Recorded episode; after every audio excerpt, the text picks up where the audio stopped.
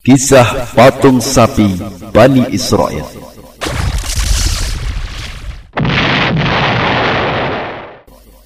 Anak-anakku sekalian yang Allah muliakan Suatu ketika Nabi Musa alaihissalam menghadap kepada Allah subhanahu wa ta'ala selama 40 hari. Sebenarnya Nabi Musa alaihissalam berjanji kepada kaumnya akan pergi selama 30 hari. Namun, sampai 40 hari Nabi Musa alaihissalam belum juga pulang. Sehingga kaumnya merasa gelisah. Selama Nabi Musa alaihissalam pergi, Nabi Harun menjadi wakilnya. Di antara Bani Israel ada seseorang yang bernama Samiri. Dia berasal dari kaum penyembah sapi yang merupakan tetangga Bani Israel.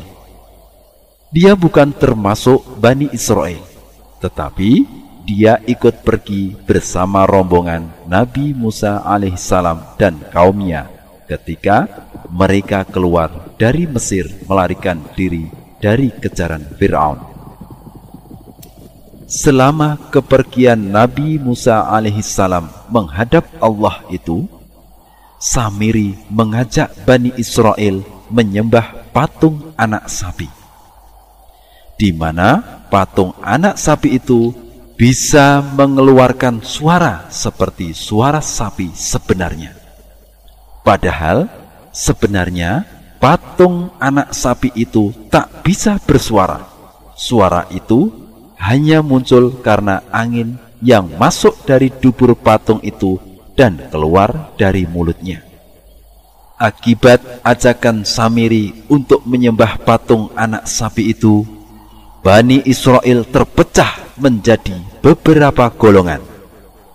Ada golongan yang mengikuti ajakannya, ada yang ragu-ragu tidak mengikuti ajakan Samiri, tetapi tidak pula mendustakannya.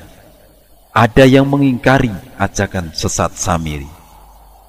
Ada yang dalam hatinya membenarkan Samiri, tetapi dalam penampilan luarnya mendustakan Samiri. Nabi Harun alaihissalam berkata kepada mereka, Wahai kaumku, sesungguhnya kalian sedang diuji dengannya. Sesungguhnya Rob kalian adalah Allah yang maha penyayang. Taatilah aku dan ikuti perintahku. Mereka berkata, Lalu kenapa Musa menjanjikan kepada kita tiga puluh hari, kemudian menyelisihinya? Sudah empat puluh hari lewat. Kemudian orang-orang yang dungu di antara mereka berkata, Musa salah dalam menemui robnya. Sekarang Musa baru mencari dan mengikuti robnya. Lalu Nabi Musa alaihissalam diberitahu oleh Allah subhanahu wa ta'ala ketika diajak bicara olehnya. Allah subhanahu wa ta'ala menceritakan apa yang terjadi pada kaumnya sepeninggalnya. Nabi Musa alaihissalam kembali kepada kaumnya dalam keadaan marah. Nabi Musa alaihissalam berkata kepada mereka sebagaimana disebutkan dalam Al-Quran Surah Al-A'raf ayat 150 Nabi Musa alaihissalam berkata Alangkah buruknya perbuatan yang kalian kerjakan sesudah kepergianku Apakah kalian hendak mendahului janji Rob kalian? Nabi Musa alaihissalam kemudian memegang dan menarik kepala saudaranya dan melemparkan alwah atau Taurat karena marahnya. Kemudian Nabi Harun alaihissalam memberikan alasan kepada Nabi Musa alaihissalam dan Nabi Musa alaihissalam pun menerima alasan beliau dan memintakan ampun baginya. Kemudian Nabi Musa alaihissalam mengusir Samiri. Patung anak sapi itu kemudian dibakar dan dibuang dengan menghamburkannya ke dalam laut berupa abu yang berserakan. Maka terbuktilah bahwa patung itu bukanlah sesembahan yang benar. Sehingga Bani Israel menjadi yakin bahwa itu adalah fitnah. Kemudian Nabi Musa alaihissalam pergi bersama 70 orang pilihan untuk memintakan taubat bagi mereka. Bumi pun bergoncang.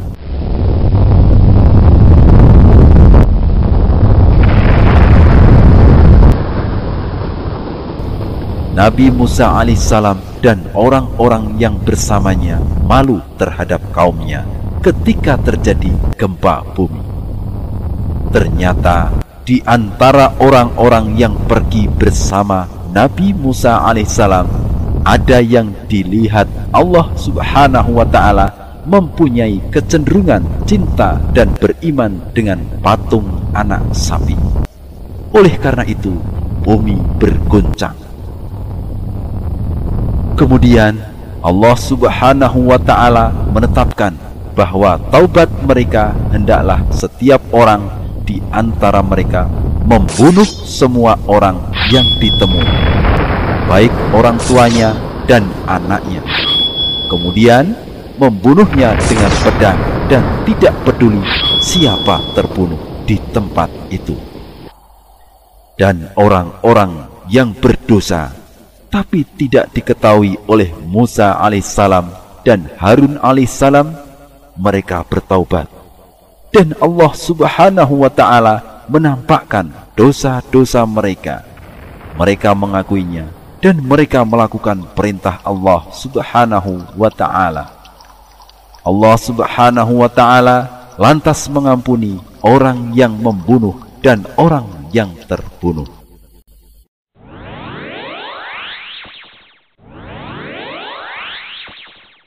Adik-adikku sekalian yang dicintai oleh Allah Subhanahu wa taala, faidah yang berikutnya berasal dari kisah patung sapi Bani Israel.